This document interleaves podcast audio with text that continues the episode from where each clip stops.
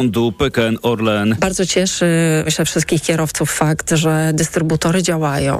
To jest prześmiewcze, no ale prawda jest taka, że można paliwo kupić, ponieważ ceny wróciły do równowagi. Ile takie ręczne sterowanie kosztowało państwowego giganta dowiemy się we wtorek. Spółka pokaże wtedy najnowsze wyniki finansowe za trzeci kwartał. Wrzesień i październik w sektorze, w tej części paliwowej koncernu będzie miał ogromne e, znaczenie i tam będzie widziane duże uderzenie e, w finansach. Eksperci szacują, że przedwyborcza obniżka cen paliw mogła kosztować Orlen od 3 do nawet 4 miliardów złotych. Tomasz Setta, TOK FM. Dopiero 13 listopada, więc niemal w ostatnim możliwym terminie odbędzie się pierwsze posiedzenie Sejmu dziesiątej kadencji. Prezydent Andrzej Duda, który ogłosił ten termin, powiedział też, że w tym momencie jest dwóch poważnych kandydatów na premiera. Donald Tusk i Mateusz Morawiecki. W programie Wybory w toku Michał Szczerba z Koalicji Obywatelskiej powiedział, że Pałac Prezydencki gra na czas w interesie Prawa i Sprawiedliwości. Być może chodzi o to, żeby podpisać te wszystkie umowy, żeby te wszystkie deale podokończać i pan prezydent daje, daje czas. Ja nie chciałbym, żeby prezydent w tego typu operacji uczestniczył. To wyolbrzymiony problem, odpowiada Jacek Ozdoba, poseł suwerennej Polski. Prezydent ma swoje terminy konstytucyjne. Z szacunku do wyniku wyborczego uważam, że tradycją konstytucyjną powinno być jednak wskazywanie lidera największego ugrupowania do tego, żeby rzeczywiście on formował rząd. Senator Paktu Senackiego Wojciech Konieczny ocenia, że prezydent jest w trudnej sytuacji. Dla zachowania takiej równowagi między tą swoją przyszłością, a tym elektoratem swoim i powagą urzędu prezydenta poczeka do pierwszego posiedzenia Sejmu. Przypomnijmy, Prawo i Sprawiedliwość zdobyło 194 mandaty, a partii opozycji demokratycznej 248. Liderzy Koalicji Obywatelskiej Nowej Lewicy, Polskiego Stronnictwa Ludowego i Polski 2050 zapewniają, że chcą, by premierem był Donald Tusk. Jesteśmy bardzo zasmuceni zbyt szybkim odejściem Matthew Perego, napisała w specjalnym oświadczeniu telewizji NBC, która przed laty emitowała serial Przyjaciele. Matthew Perry, który w serialu wcielił się w rolę Chandlera, został wczoraj znaleziony martwy w swoim mieszkaniu. Miał 54 lata. Kondolencje rodzinie Perego składają przedstawiciele Hollywood i znajomi aktora. Pogoda. Sporo słońca dziś na południu i południowym zachodzie i tam najcieplej. W Krakowie termometry pokażą 18 stopni, w Katowicach 17, w Warszawie dziś do 15 stopni, w Bydgoszczy 13, w Gdańsku 11. Im dalej na północ, tym więcej chmur i więcej opadów. Noc dość ciepła z temperaturą przeważnie od 8 do 11 stopni. Jutro więcej rozpogodzeń i nieco cieplej niż dziś. Radio TOK FM. Pierwsze radio informacyjne. Nagłe zastępstwo.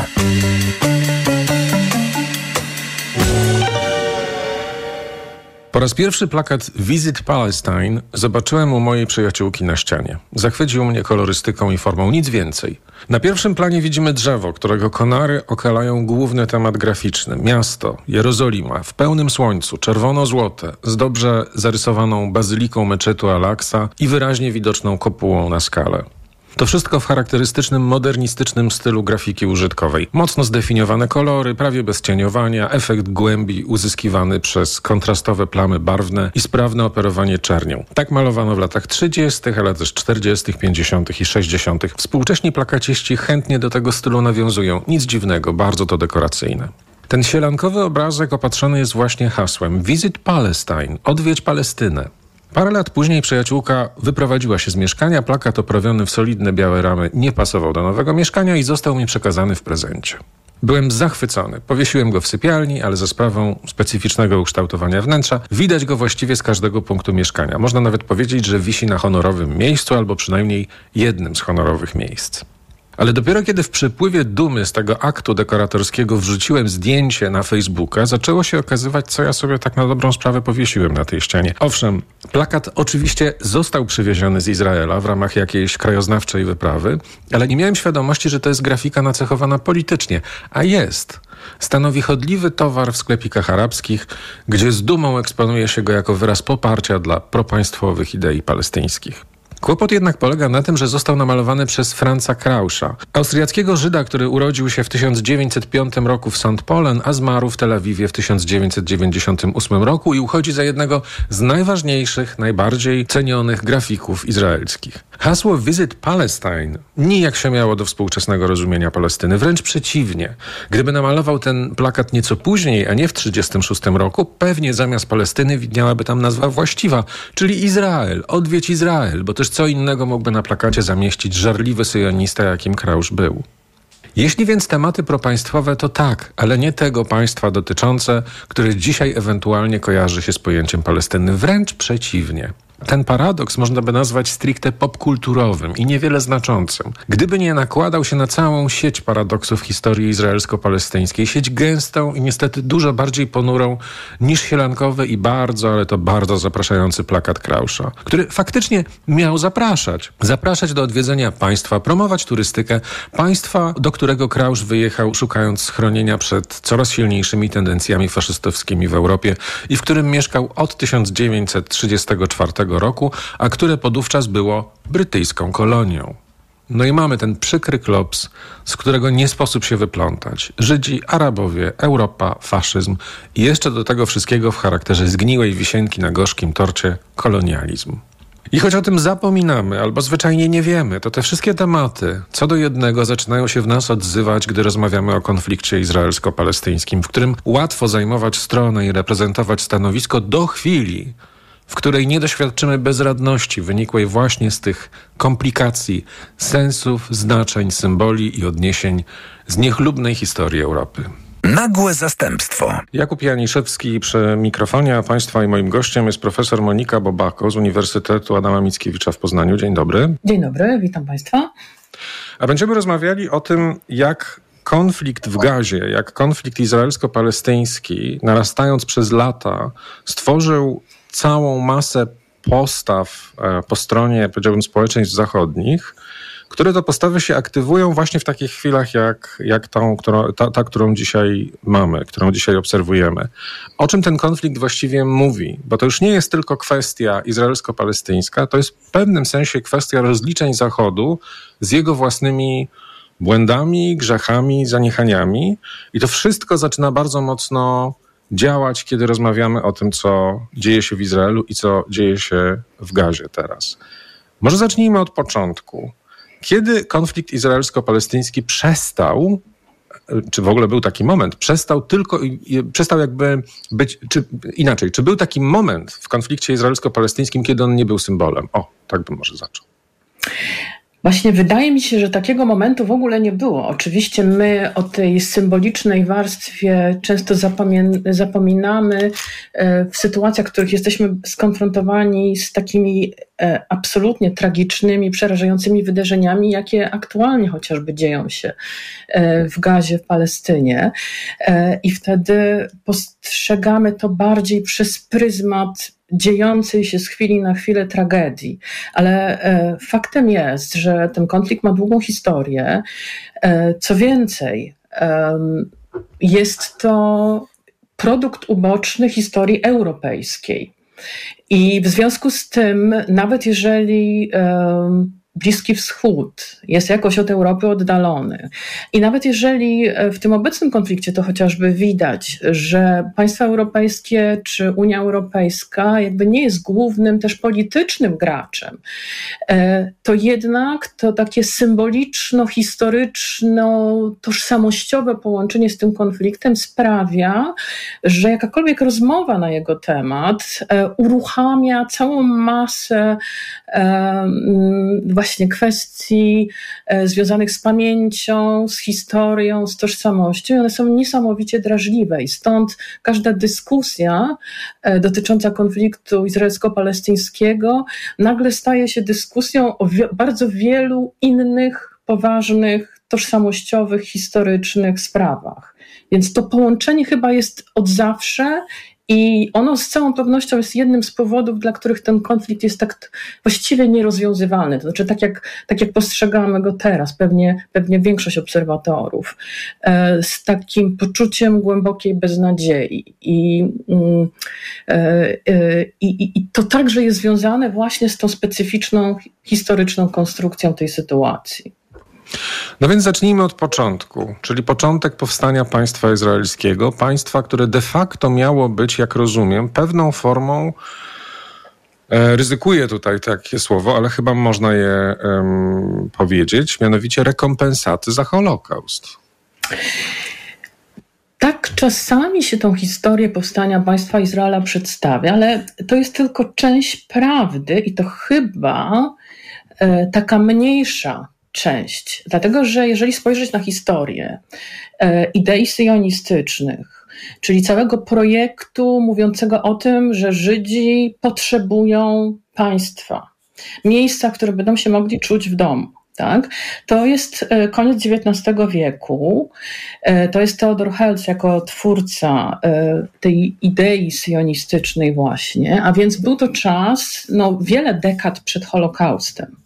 Oczywiście ta idea pojawia się w kontekście wielowiekowej e, historii e, antysemityzmu czy różnych antyżydowskich e, praktyk europejskich społeczeństw, które miały z jednej strony podłoże religijne, i to był e, cały, jakby całe zjawisko antyjudaizmu, czyli teologicznie motywowanej nienawiści, strachu, wrogości wobec Żydów. I to jest jakby jedna historia.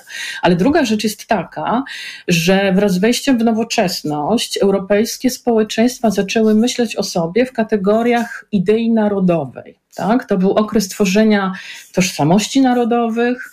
Oczywiście różne kraje europejskie różnie jakby w tym procesie, jakby wchodziły w ten proces, tak? Ale nowożytna czy nowoczesna historia europejska to jest e, rodząca się idea narodowa, myślenie o takich tworach politycznych, jakimi są państwa narodowe, i jednocześnie e, tworzenie jakiejś takiej wizji e, czy tożsamości narodowej, która ma być jakoś zdefiniowana przez narodowe cechy i w związku z tym się definiuje w kontrze do tego, co do tej tożsamości narodowej nie pasuje.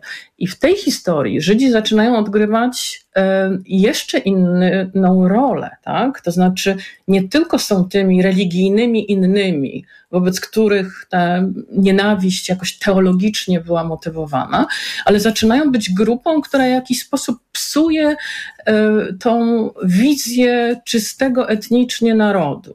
I okazują się jakoś taką grupą, którą, która mieszka od dawna w różnych europejskich społeczeństwach, ale nie wpisuje się w tą narodową tożsamość, utrzymuje swoją odrębność, a jednocześnie, no właśnie, y, y, jest jakoś obca, a jednocześnie nie można o niej myśleć jako, no właśnie, jakimś narodzie, który ma gdzieś swoje państwo. To była jakaś taka obsesja bardzo wielu nacjonalistów XIX-wiecznych czy potem XX-wiecznych ten problem e, z Żydami jako obcymi, którzy są wszędzie i nigdzie, z którymi nie można się skonfrontować, bo nie można wejść w jakąś relację, nie wiem, militarnego konfliktu z państwem żydowskim.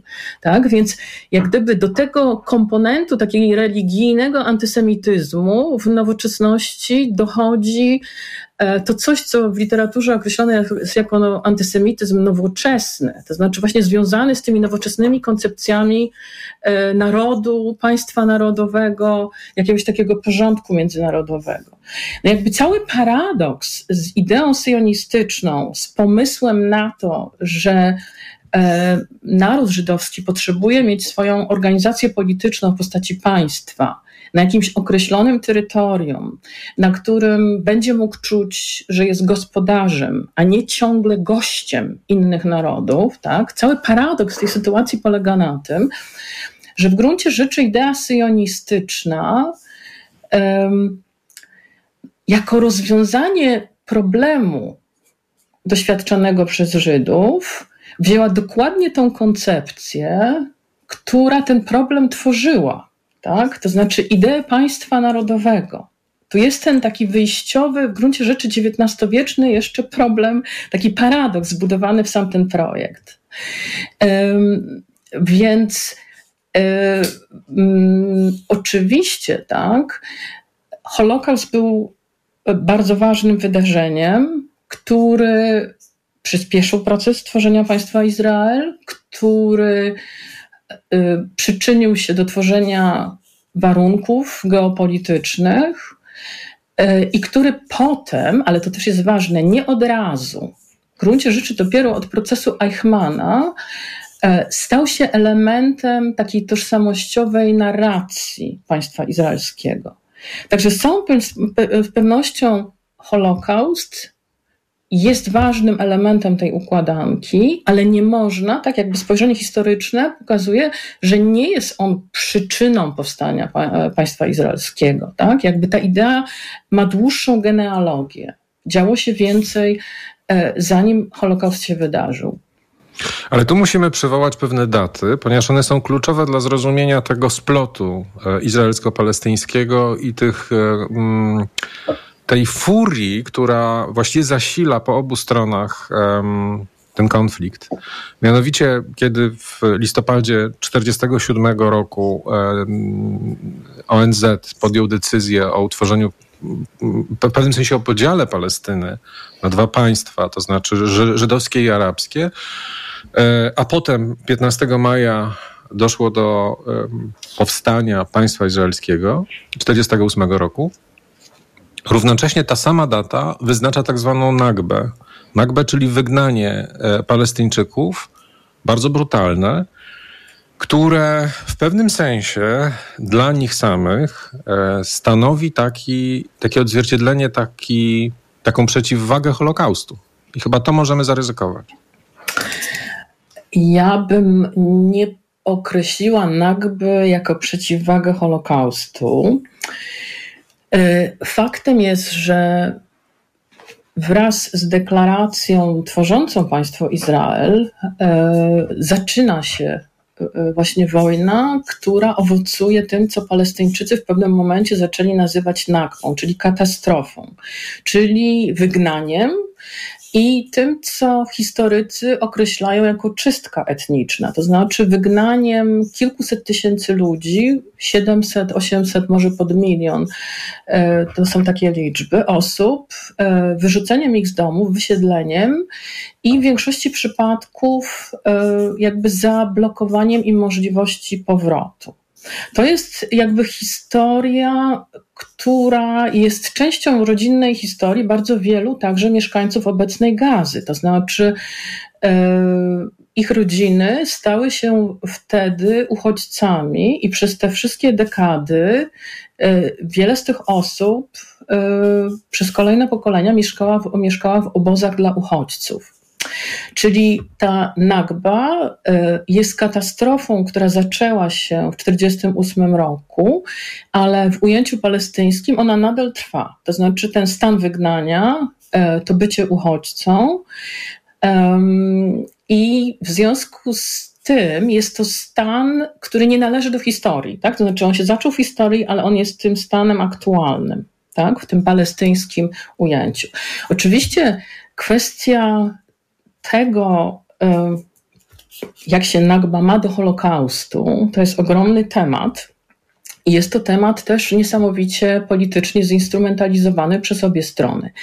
E, z całą pewnością można powiedzieć, że e, w ogóle Nagba jest tematem usuniętym w cień w kontekście izraelskim. To znaczy o Nagbie się nie mówi, samo, sam termin się wyśmiewa, neguje się fakt e, w, dyskursie publicznym takie hasła negujące ten fakt e, palestyńskiej katastrofy są bardzo powszechne. I łącznie z tym, że to zdaje się był 2010 czy 2011 rok, kiedy pa, pa, parlament izraelski przyjął taką regulację w gruncie rzeczy blokującą jakiekolwiek upamiętnianie Nagby. E, więc e, mamy tutaj do czynienia z jakąś taką polityką, e, która zachodzi po obu stronach tego konfliktu, w której neguje się pamięć traumy tej drugiej strony. I to w przypadku izraelskim ta, ta negacja jest, tak jak mówię, właśnie zinstytucjonalizowana. Mimo, że oczywiście wielu izraelskich historyków jakby pracuje nad tym historycznym materiale, na dokumentach, e, Nagba jest udokumentowana, tak? jest e, opisana e, właśnie także przez izraelskich badaczy. Ale ta negacja palestyńskiej traumy oczywiście ma tutaj jakąś taką funkcję polityczną. Trzeba jednocześnie powiedzieć, że ta negacja zachodzi po stronie drugiej, tak? Czy ją nazwiemy palestyńską, e, nie wiem, arabską, tak? Czy muzułmańską. Spotykamy się z tym, e, że bardzo często minimalizuje się Holokaust, czy też mówi się o Holokauście jako e, przesadzonej historii, wymyślonej na użytek e, politycznego projektu syjonistycznego. Tak? Czyli mamy jakby całe spektrum różnych stanowisk negacjonistycznych. I to jest fakt. Tak? Faktem jest też, że jakby nauczanie historii, które by obejmowało historię Holokaustu, no prawie nie istnieje tak? E, w wielu krajach arabskich, czy jest zminimalizowane. I um, to jest jakiś taki splot wzajemnych negacji. Proszę zwrócić uwagę, że dla obu tych społeczności, z jednej strony dla izraelskiej, z drugiej strony dla palestyńskiej, e, e, trauma związana z jednej strony z Holokaustem, dla drugiej strony z Nagbą, no jest jakimś tak, taką podstawą tożsamościową. Ale w tym konkretnym konflikcie, jakby częścią tej, tego konfliktu, tego antagonizmu, jest właśnie negowanie pamięci drugiej strony. Więc to jest rzeczywiście jeden z tych elementów, i to negowanie jest jakoś tam zinstytucjonalizowane i upolitycznione. E, ja mogę powiedzieć, że od strony e, takiej, powiedzmy, nie wiem, badawczo-filozoficznej,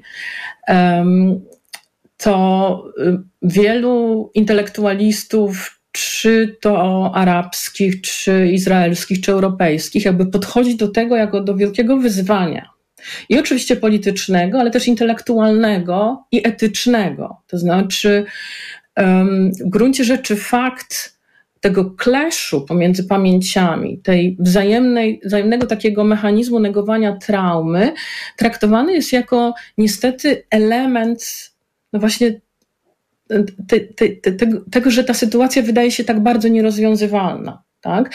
I tutaj muszę powiedzieć, że w gruncie rzeczy, jak, jak patrzę na różne dyskusje, które miały miejsce między y, intelektualistami palestyńskimi i izraelskimi, ich nie było dużo. Do, do tych dyskusji jakby nie ma warunków politycznych, tak? nie ma też instytucjonalnych, jest dużo utrudnień, ale te dyskusje jakoś się toczyły tak? i w pewnym momencie też na przykład ich uczestnikiem był Edward Said e, jako, jako amerykański palestyńczyk też jakby był jednym z inicjatorów tego typu dyskusji. Po drugiej stronie było wielu e, izraelskich historyków. Um, można wymienić Ilana Pape na przykład, tak? Wielu historyków, którzy jakoś są kojarzeni z y, ruchem tak zwanych właśnie nowych historyków, którzy tam od lat 80. zaczęli eksplorować te bardziej takie trudne e, momenty izraelskiej historii, czy historyków, intelektualistów, którzy się jakoś um, identyfikują z hasłem postsyjonizmu. To są często ludzie pracujący na izraelskich e, uniwersytetach i oni e, jakby tematyzują to, o czym ja mówię. To znaczy, ten sprzęg negacji, wzajemnej traumy i jakby próbują inicjować jakąś dyskusję, ale oczywiście każda, każdy, kolejne etapy jakby tego cyklu przemocy w tym konflikcie no, no stają się czynnikiem, który, który właściwie podważa, blokuje, czyni prawie niemożliwym taką dyskusję. Więc właściwie jakby przynajmniej ją jakoś zamraża, tak? I, i z całą pewnością to, to jest jak, jakby tutaj problem, tak? No tutaj warto przywołać e, książkę, o której też mi pani przypomniała, kiedy rozmawialiśmy, um, umawialiśmy się na tą rozmowę. E, książkę, która ukazała się niedawno, w 2019 roku.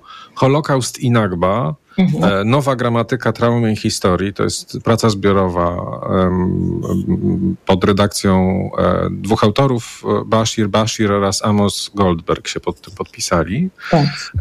I to była książka, pamiętam, że kiedy mi pani o niej wspomniała, to coś mi zadzwoniło w głowie. Mianowicie e, to była książka, która była omawiana w bardzo poważnych tytułach, w bardzo wielu tytułach, które ja czytałem, i ona po prostu e, była wydarzeniem wielkim.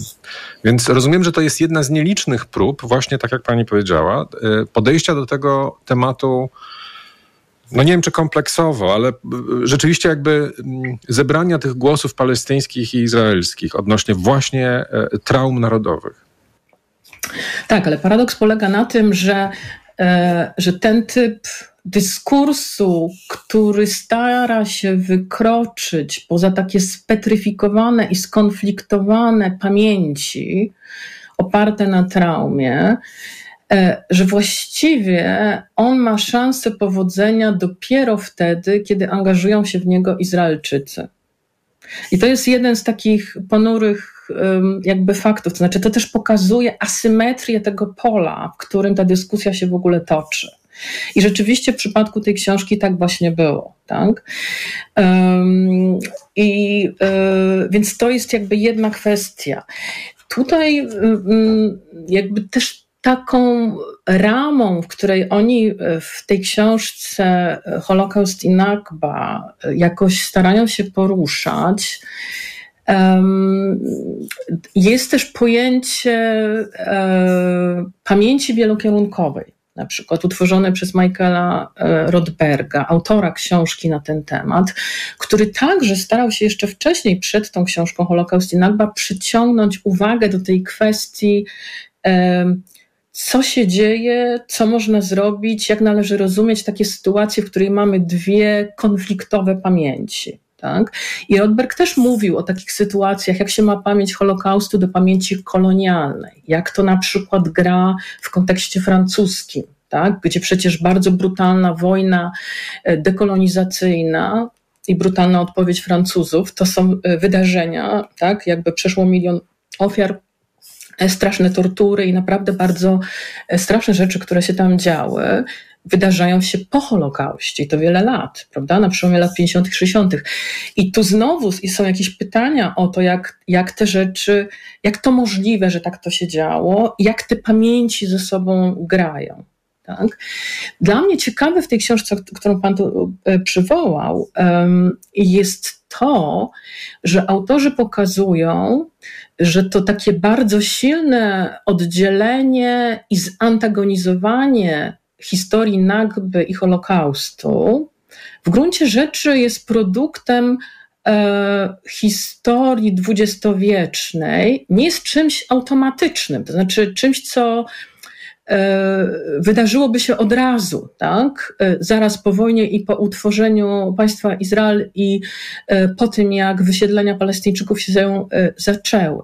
Właśnie to, co wydaje mi się niezwykle ciekawe w tej książce, to pokazanie, że w punkcie wyjścia to takie odczucie, że coś łączy doświadczenia holokaustowe z doświadczeniem palestyńskim, przy całej świadomości tego, że to połączenie nie ma sugerować żadnego zrównywania czy sugerowania, że tu jest jakaś ekwiwalencja między tymi wydarzeniami. One są bardziej różne niż podobne, tak?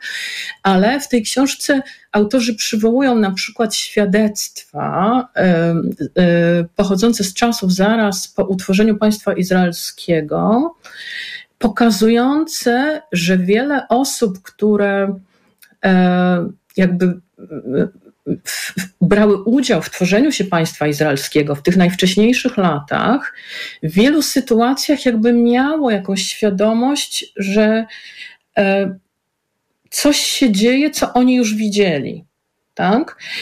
E, w książce jest opowieść o jednej rodzinie, e, która przybyła z Polski, ocaleńców holokaustowych, i którzy po przybyciu do Izraela, w momencie, w którym już Palestyńczycy zostali um, usunięci z, z części swojej ziemi, własność po Palestynie, palestyńska, jeżeli tak można powiedzieć, mieszkania były przydzielane tym przybyszom z Europy. E, jeden z tych artykułów w książce opisuje właśnie reakcję takiej rodziny, której przydzielono jakiś taki palestyński dom i oni do tego domu weszli i tam stały jakiś obiad na stole, parująca herbata, coś takiego. E, I oni oświadczyli władzom tworzącego się Izraela, że oni nie chcą tego domu. To znaczy, że to im za bardzo przypominało to ich wygnanie e, z terenu polskiego. To są tego typu jakby opowieści, też jak e, autorzy dokumentują sposób, w jaki na przykład w kręgach politycznych tworzącego się Izraela było wiele osób, które odczuwały dyskomfort związany z tym, jak te relacje z Palestyńczykami są rozgrywane.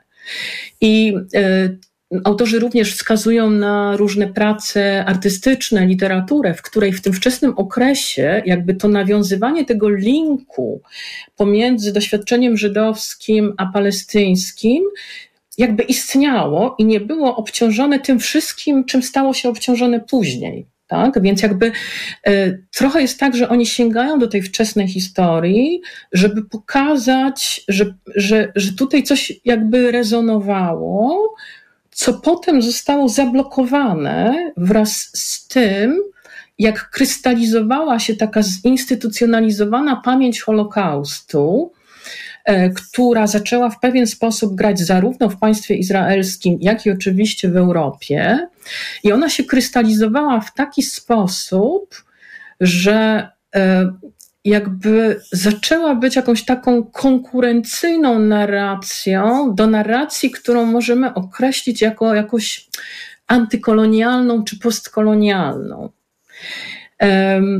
I jakby mówię o tym dlatego, żeby, żeby wskazać, że tutaj jest jakaś taka próba właśnie pokazania tej długiej drogi która się zadziała w świadomości, w kulturze, w sposobie rozumienia historii i polityki, że jesteśmy tu, gdzie jesteśmy. To znaczy, e, w określony sposób myślimy o Holokauście i jego implikacjach politycznych i etycznych, i jakby zupełnie oddzieloną rzeczą jakąś taką ustawioną w kontrze i antagonizmie jest ta narracja, która towarzyszy Palestyńczykom.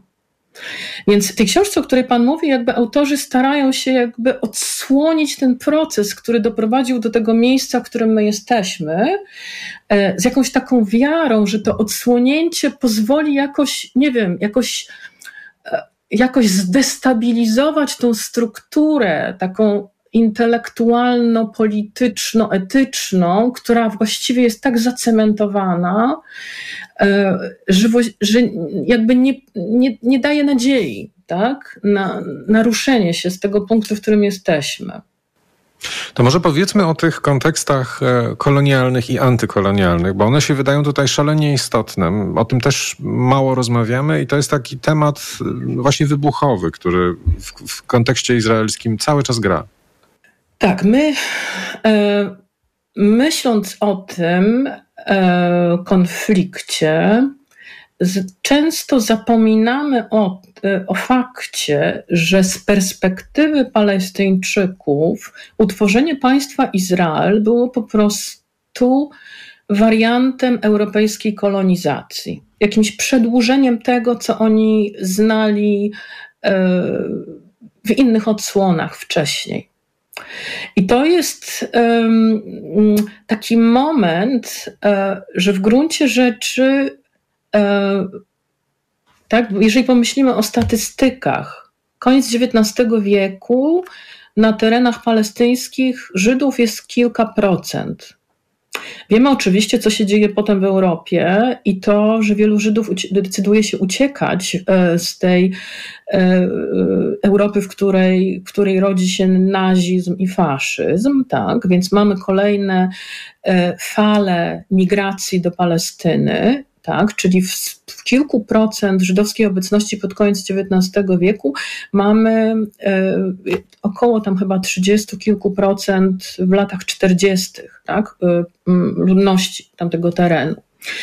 E, więc w dużej mierze to są ludzie przybywający z Europy i dla Palestyńczyków oni się jawią jako Europejczycy. Zresztą Izrael jakby konstruowany jest jako państwo zachodnie państwo na wschodzie, tak? nowoczesne państwo zachodnie e, w swojej definicji tak? na wschodzie.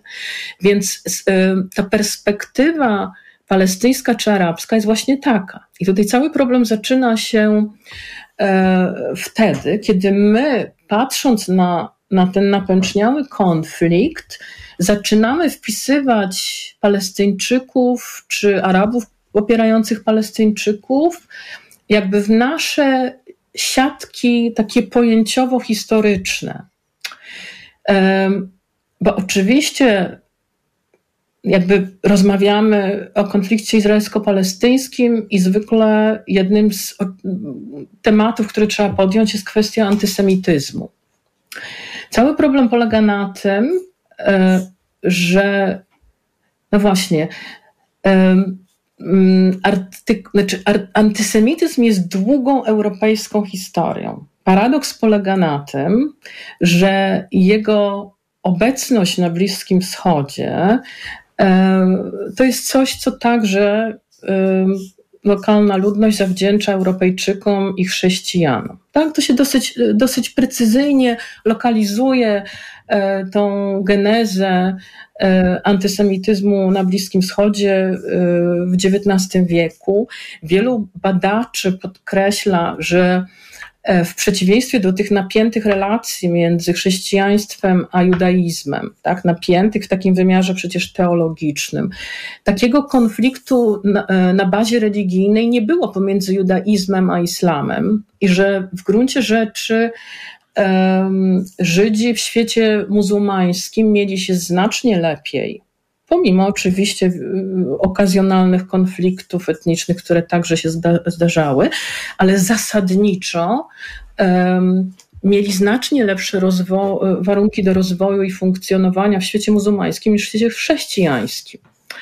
I teraz to, co się wydarzyło wraz y, z całą konstrukcją konfliktu izraelsko-palestyńskiego, to to, że społeczności, które w punkcie wyjścia nie musiały być w antagonizmie, że y, mm, jakby nie mając tej religijnej bazy do konfliktu, nie musząc być w tym konflikcie, z racji tego uwikłania w europejską historię, tak, to znaczy europejski antysemityzm, który sprawia, że Żydzi nie czują się bezpiecznie w krajach, w społeczeństwach europejskich, że tworzenie państwa okazuje się koniecznością. Tak? I cały ten proces polityczny jest właściwie mechanizmem, który przeciwstawia te dwie społeczności sobie. I tutaj decydującą rolę w tym, w tym przeciwstawieniu odgrywa Europa.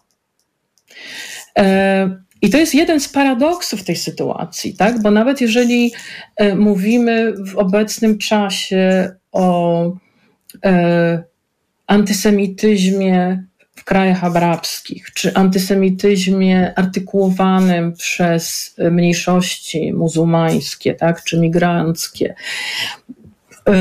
To cały paradoks polega na tym, e, że jest to e, jakby świadectwo uwikłania tych grup e, w europejską historię. I, I w tym sensie, tak, e, jak gdyby, no właśnie, e, myślę, że warto całą tą genealogię, tak, tej wrogości, nienawiści, jakoś, e, jakoś tutaj sobie rekonstruować. Dla mnie, kiedy, kiedy zajmowałam się pisaniem książki na temat właśnie islamofobii, e, w którym antysemityzm był tak ważny też w tej analizie, uderzyła mnie jedna rzecz, jak tutaj już tak mnożę te paradoksy, które się wiążą, takie dosyć ponure paradoksy, które wiążą się z konfliktem izraelsko-palestyńskim, to to, że z jednej strony e, wtedy, gdy w społecznościach, nie wiem, arabskich czy palestyńskich artykułowany jest antysemityzm, e, to, to jest powtarzanie pewnych w dużej mierze, tak, europejskich wzorów wrogości wobec Żydów chrześcijańskich wzorów wrogości wobec Żydów, tak? Sięganie do protokołów Sujanu, negowanie Holokaustu, operowanie wizerunkiem Żydów jako jakiś rządu światowego, spisku, który y, tak do, rządzi światem i tak dalej. Wszystkie toposy europejskiego antysemityzmu są tutaj y, jakby y, przeniesione z Europy. Paradoks polega na tym, że właśnie ten dyskurs antysemicki był jakimś e, dyskursem budowania wyższości, wykluczania Żydów. Tak? Cały problem polega na tym, że e, kiedy ze strony izraelskiej e, buduje się taką narrację antypalestyńską, antyarabską czy antymuzułmańską, bardzo często jest to jakaś rekonfiguracja takich właśnie klisz wykluczających, także wziętych z kontekstu europejskiego. Więc jakby to uwikłanie historii europejskiej um, w ten konflikt wydaje się niesamowicie frustrujące. Warto tutaj mm, chyba spojrzeć na to, co się zaczęło wydarzać w samej Europie właśnie w momencie, kiedy zaczęliśmy mieć tą nową odsłonę konfliktu izraelsko-palestyńskiego, czyli z jednej strony marsze poparcia dla Izraela, na przykład we Francji, a potem demonstracje propalestyńskie, demonstracje na przykład w Berlinie w Niemczech, w dzielnicy Neukölln, gdzie doszło do starć z policją i to takich poważnych, to znaczy tam mhm. zdaje się 60 paru policjantów zostało rannych, a aresztowano ponad 140 osób. Więc to wyraźnie pokazuje, jakie tam było napięcie. I pojawia się pytanie, o czym te, te demonstracje traktują w zasadzie, bo to wydaje się, że już nie jest tylko i wyłącznie kwestia E, kwestia samej, samego konfliktu izraelsko-palestyńskiego, ale też podejścia tych e, państw e, współczesnych, współczesnych Niemiec, na przykład do diaspory z krajów arabskich, diaspory bliskowschodniej, społeczności, które tam mieszkają i stosunku tych społeczności w ogóle do państwa, do którego trafiły. Prawda? Że to, na to się nakłada kolejna jakby warstwa, czyli pytania, które przynosi współczesna migracja. Znaczy, tu jest kilka różnych rzeczy. Jedna rzecz jest taka, y, czym właściwie jest konflikt izraelsko-palestyński dla tych wszystkich osób, które protestują na ulicach y, i wyrażają poparcie dla Palestyn, Palestyńczyków. Y, znowu, tak, ten konflikt jest jakimś tożsamościowym punktem odniesienia i nie jest bynajmniej tak jakby lokalnym konfliktem, nie wiem, dwóch nacjonalizmów, e, tylko jakby ma te wszystkie bardzo szerokie, symboliczne e, odniesienia, które okazują się istotne dla, e, jakby, dla tego, co się dzieje w Europie. Tak? I w pewnym sensie ta solidarność z Palestyńczykami, bo jakby ta sytuacja, te protesty, o których e, Pan mówi, e, tę jakby reakcję e, grup mniejszościowych, które mają jakieś korzenie właśnie migracyjne, często na Bliskim Wschodzie.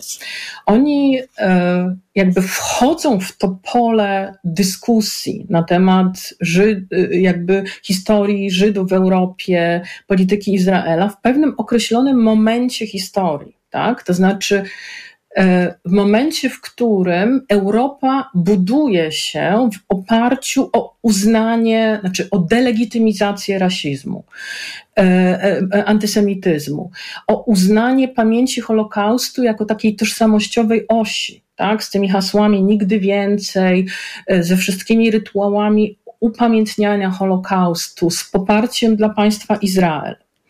Czyli jakby ta strona żydowska z perspektywy mniejszości migracyjnych, które ma, migranckich, które mają jakieś korzenie właśnie poza Europą czy na Bliskim Wschodzie, to to jest strona jakby nie uciskanej przez stulecia mniejszości, tylko y, jakby, jakby to, ta, ta europejskość jest zdefiniowana przez afirmację, e, jakby ten, tą próbę podważenia antysemickiej historii, uznania miejsca Żydów w zachodniej historii i poparcia dla Izraela.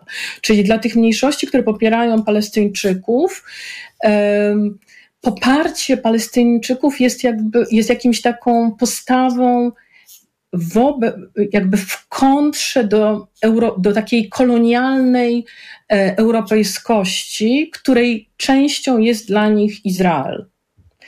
E, I w związku z tym e, to popieranie e, Palestyńczyków można czytać generalnie jako m, mm, jakąś postawę wobec e, odczuwanego przez mniejszości rasizmu, przez jakieś, jakąś formę e, wykluczeń, dyskryminacji, tak, jakby doświadczenia właśnie jakiejś deprecjacji w ramach tych europejskich społeczeństw. Tak? Czyli tutaj e, to rozgrywanie tej postawy, którą można by nazwać dekolonialną, antykolonialną, tak? Jakby to wszystko jest wpisane w jakąś taką ramę, która łączy te wszystkie doświadczenia jakiejś właśnie deprecjacji, e, rasizmu, wykluczenia, właśnie z tym popieraniem strony palestyńskiej i takim głośnym wyrażaniem tego. Więc to się staje taki idiom artykulacji e, sprzeciwu wobec e, no właśnie, wobec, ja bym to określała jako jak, y, wobec rasizmu, tak, doświadczanego przez te grupy. Więc e, z perspektywy... Ale tutaj wbi, mhm. wbije się z pytaniem, bo mhm. mam wrażenie, że to, co pani mówi, bardzo pasuje do, do Francji. Natomiast nie wiem, czy pasuje do Niemiec, dlatego że mam wrażenie, znaczy na jakimś poziomie na pewno też, ale mam wrażenie, że kiedy się słuchało tych ludzi protestujących, tam były to właśnie takie dwie grupy. To znaczy byli to bardzo młodzi, lewicujący studenci, czy tacy w ogóle, powiedziałbym, berlińscy lewacy, których zresztą jest tam cała mnogość, e, oraz e, no, właśnie przedstawiciele tych grup migranckich.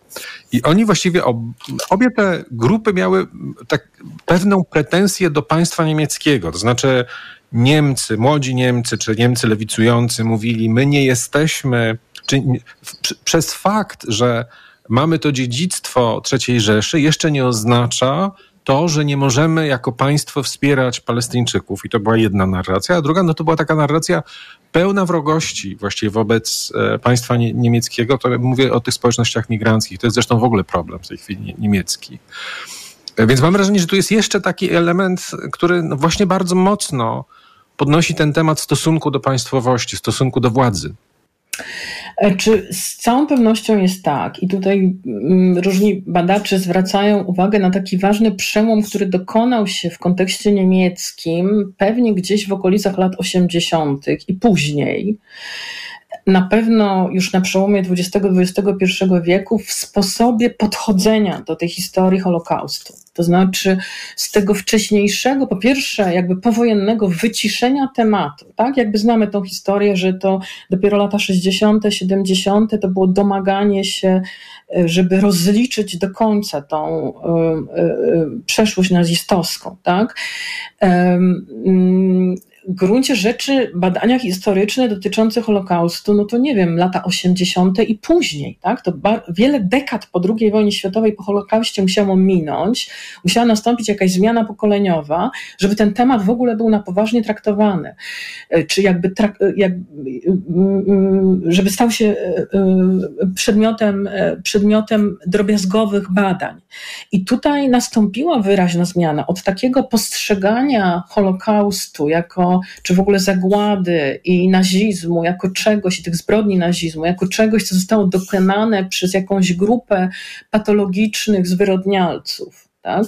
To była jakaś taka próba zachowania takiej wizji e, niemieckiego społeczeństwa, które nie wiedziało, nie, nie, nie było w pełni świadome tego, co się dzieje, tak? i że ta odpowiedzialność powinna być wyraźnie zlokalizowana na, na tych zwyrodniałych, jakichś brutalnych sprawcach. Tak? Tutaj się coś zmieniło wraz z tym przekonaniem, że jednak nie, tak? że, że Niemcy są odpowiedzialne za zbrodnie nazistowskie, że zagłada jest czymś wyjątkowym, e, że coś cywiliza jakieś cywilizacyjne tąpnięcie się wraz z, z zagładą wydarzyło i że e, uznanie tego faktu musi być punktem wyjścia do takiej moralnej i politycznej odnowy niemieckiego społeczeństwa. Takim punktem odbicia.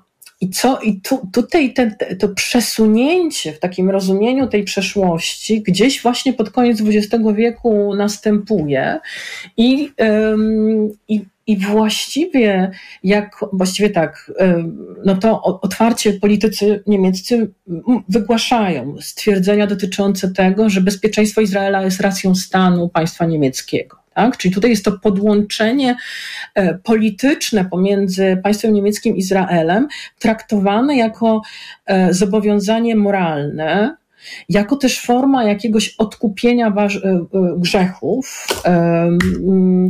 I z tym się wiążą rozmaite inne elementy rozumienia tej historii, to znaczy Holokaust jako wydarzenie wyjątkowe i nieporównywalne,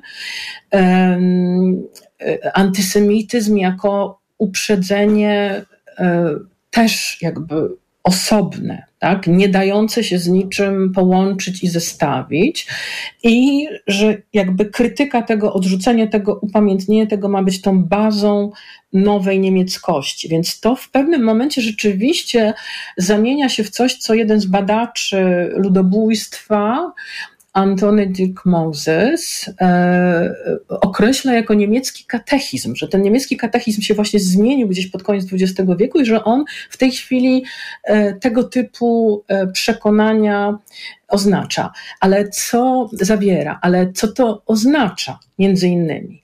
To oznacza, e, że e, jakby mówienie o Holokauście wyklucza łączenie tego elementu niemieckiej historii, jaką jest nazizm, z innymi elementami niemieckiej historii, jaką e, są kolonialne ludobójstwa, e, których dopuściło się państwo niemieckie w przeszłości. Ja mam tutaj na myśli Afrykę, tak? Namibię, lud e, Herero i Nama między innymi. To jest jedna z bardzo takich drażliwych kwestii, to znaczy e, w jaki sposób mówić o Holokauście i jak te, ten rozdział historii niemieckiej się wiąże z tym innym rozdziałem niemieckiej historii, który wiąże się z e, europejską kolonizacją. I tutaj e, to jest ten punkt, w którym też można zrozumieć to napięcie pomiędzy tymi, którzy przyjmują ten niemiecki katechizm, tak, żeby użyć e, określenia Antonego Mosesa, e, z tymi, dla których ta agenda antykolonialna, dekolonialna jest kluczowa z tożsamościowych względów. I w związku z tym, jakby ta narracja oficjalna państwa niemieckiego, w momencie, kiedy ona się, jakby y, ta kwestia holokaustowa wychodzi na plan pierwszy, to jednocześnie te aspekty związane z kolonizacją, z różnymi formami rasizmu i deprecjacji tych ludzi wywodzących się spoza Europy, nagle się ujawnia, że to jest jakoś zasłonięte, tego nie ma, nie ma możliwości artykulacji tego. A takie wydarzenia, jak właśnie to, co się dzieje w tej chwili w, e, e, właśnie w, w, w gazie, jakby powodują eksplozję, tak? artykulację tego napięcia. I tu się musimy zatrzymać, ale coś mi mówi, że to chyba jest część pierwsza tej rozmowy. To znaczy, to jest na tyle fascynujący temat, że chyba tutaj zaraz z panią profesor będziemy ustalali kolejne terminy. Państwa i moim gościem była profesor Monika Bobako z Uniwersytetu Adama Mickiewicza w Poznaniu. Nagłe zastępstwo.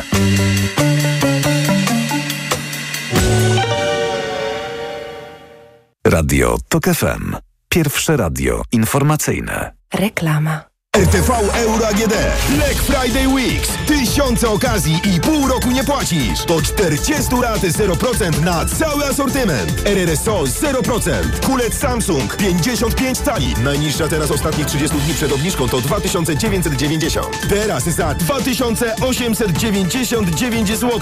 A w 40 latach tylko 73 zł miesięcznie. Promocja ratalna do 14 listopada. Szczegóły i regulamin w sklepach i na euro.com.pl Porozmawiajmy o zakładaniu firmy. Jest z nami Radek Kotarski. Panie Radku, czy zna pan słowo infakt? Oczywiście, że tak. Co to znaczy infaktować? Infaktować to prowadzić firmę bez zmartwień. A ten, kto infaktuje? Ten wystawia faktury w aplikacji Infakt, a księgowy z Infaktu dba o porządek w księgowości. Infaktycznie. Załóż firmę bezpłatnie i bez wychodzenia z domu na infakt.pl.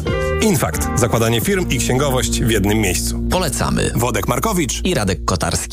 Kaśka, to ty? Tak. Ale schudłaś. Stosujesz jakąś dietę? Nie, stosuję tabletki na wątrobę Hepa Slimin. Zobacz, wątroba spisuje się wspaniale i jem wszystko, choćby czekoladę. Widzę, że Hepaslimin wspomaga też utrzymanie smukłej sylwetki. To tylko taki słodki dodatek. Przecież ja nie muszę się odchudzać. Pewnie, że nie. To ja też będę brać Hepaslimin. Chcesz mieć słodkie życie bez diety? Chcę mieć zdrową wątrobę.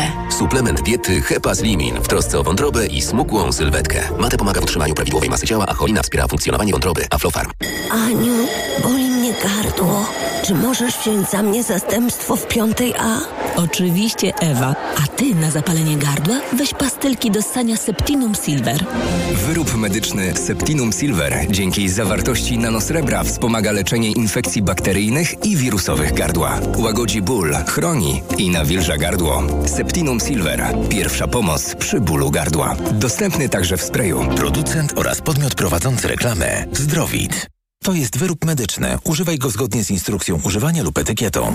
Remont na głowie? Leroy Merlin podpowie, że teraz panele podłogowe Dom Aldabra AC4 8 mm w ofercie limitowanej są już za 34,90 za metr kwadratowy, a zestaw WC stelaż podtynkowy Groe z miską Oslo zamiast za 1218 jest za 947 zł.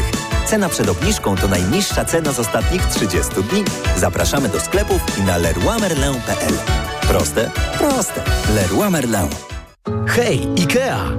Jak to jest, że przy tym stole jeszcze niedawno robiliśmy studenckie imprezy, a dzisiaj nasze dzieci odrabiają przy nim lekcje? Nasze meble są takie dzięki solidnemu wykonaniu w polskich fabrykach, bo co piąty produkt IKEA dostępny na świecie powstaje właśnie